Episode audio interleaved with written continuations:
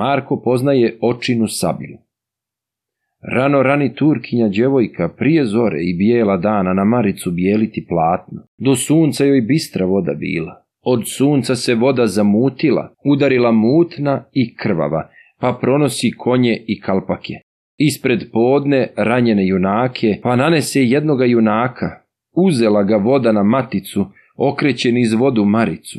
Viđe junak kod vode djevojku, pa je poče Bogom sestrimiti. Bogom sestro lijepa djevojko, baci mene jednu krpu platna, izvadi me iz vode Marice, čestitu ću tebe ostaviti. Djevojka se na Boga primila, baci njemu jedan kraj od platna, izvadi ga vodi na obalu, na junaku rana sedamnaest, na junaku čudno odijelo, obedri mu sablja okovana, na sablji su tri balčaka zlatna, u balčacim tri kamena draga, valja sablja tri careva grada, veli junak Turkinji djevojci, sestro moja Turkinja djevojko, koga imaš kod bijela dvora? Reče njemu Turkinja djevojka, imadem jednu ostarjelu majku i imadem brata Mustafagu. Progovara dobar ranjen junak. Sestro moja Turkinja djevojko, idi kaži bratu Mustafagi da me nosi dvoru bijelome. Kod mene su tri čemera blaga, u svakome po 300 dukata. Ja ću jedan tebe pokloniti, drugi tvome bratu Mustafagi, a treći ću sebe ostaviti. Da ja vidam moje grdne rane. Ako Bog da te rane izvidam, čestitu ću tebe ostaviti i tvojega brata Mustafagu. Ode cura dvoru bijelomu, te kazuje bratu Mustafagi. O moj brate Aga Mustafaga, dobila sam ranjena junaka na marici na vodi studenoj. Kod njega su tri čemera blaga, u svakome po trista dukata, jedan hoće mene pokloniti, a drugi će tebe Mustafaga, a treći će sebe ostaviti, da on vida svoje grdne rane. Nemoj mi se, brate, prevariti da pogubiš ranjena junaka. Donesi ga dvoru bijelome, ode ture na vodu Maricu, a kad viđe ranjena junaka, uze gledat sablju okovanu, manu njome, ociječe mu glavu. Skide s njega divno odijelo, pa on ode dvoru bijelome. Pred njega je sestra izlazila, a kad viđe šta je učinio, ona reče bratu Mustafagi, zašto, brate, da od Boga nađeš?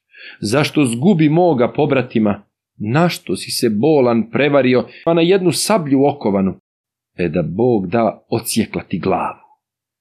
To mu reče, uz gulu uteče. Malo vreme zatim postajalo dođe Ferman od cara Turskoga, Mustafagi, da ide na vojsku. Ode mujo na carevu vojsku, pripasao sablju okovanu, a kad dođe u carevu vojsku, gleda sablju malo i veliko. Nikome se izvaditi ne da. Dođu ruke kraljeviću Marku. Sama mu se sablja izvadila. Kad je Marko sablju zagledao, a na sablji tri slova hrišćanska. Jedno slovo Novaka Kovača, drugo slovo Vukašina Kralja, treće slovo Kraljevića Marka. Pita Marko Ture Mustavagu, ovi bogati tursko momče mlado, otkud tebe ova britka sablja? Ili si je za blago kupio, ili si je u boju dobio, ili ti je od baba ostala, ili ti je ljuba donijela donijela ljuba od miraza. Veli njemu Ture Mustafaga. — oj boga mi kaurine Marko, kad me pitaš pravo ću ti kazat. Sve mu kaza kako no je bilo. Veli njemu kraljeviću Marko. Zašto, Ture, da od Boga nađeš, nijesi mu rane izvidao? Danas bi ti dao, a je kod našega cara čestitoga, veli njemu Ture Mustafaga. ga. Bene i Kaurine Marko, da ti možeš dobiti Agaluke, najpre bi sebe izvadio. Već daj Amo sablju okovanu.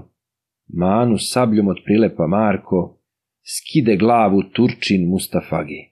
Otidoše caru kazivati. Car po Marka opravio sluge, kako koji Marku dolaziše Marka zove, Marko ne govori, već on sjedi, pije mrko vino. Kad se Marku već je dosadilo, on prigrnu čurak naopako, a uzima tešku topuzinu, pa otide caru pod čadora. Koliko se ražljutio Marko, u čizmama sjede na serđadu, pa pogleda cara poprijeko, krvave mu suze iz očiju. Kad je care sagledao Marka i pred njime tešku topuzinu, car se odmiče, a Marko primiče. Dok doćera cara do duvara, Car se maši u džepove rukom, te izvadi stotinu dukata, pa ih daje kraljeviću Marku.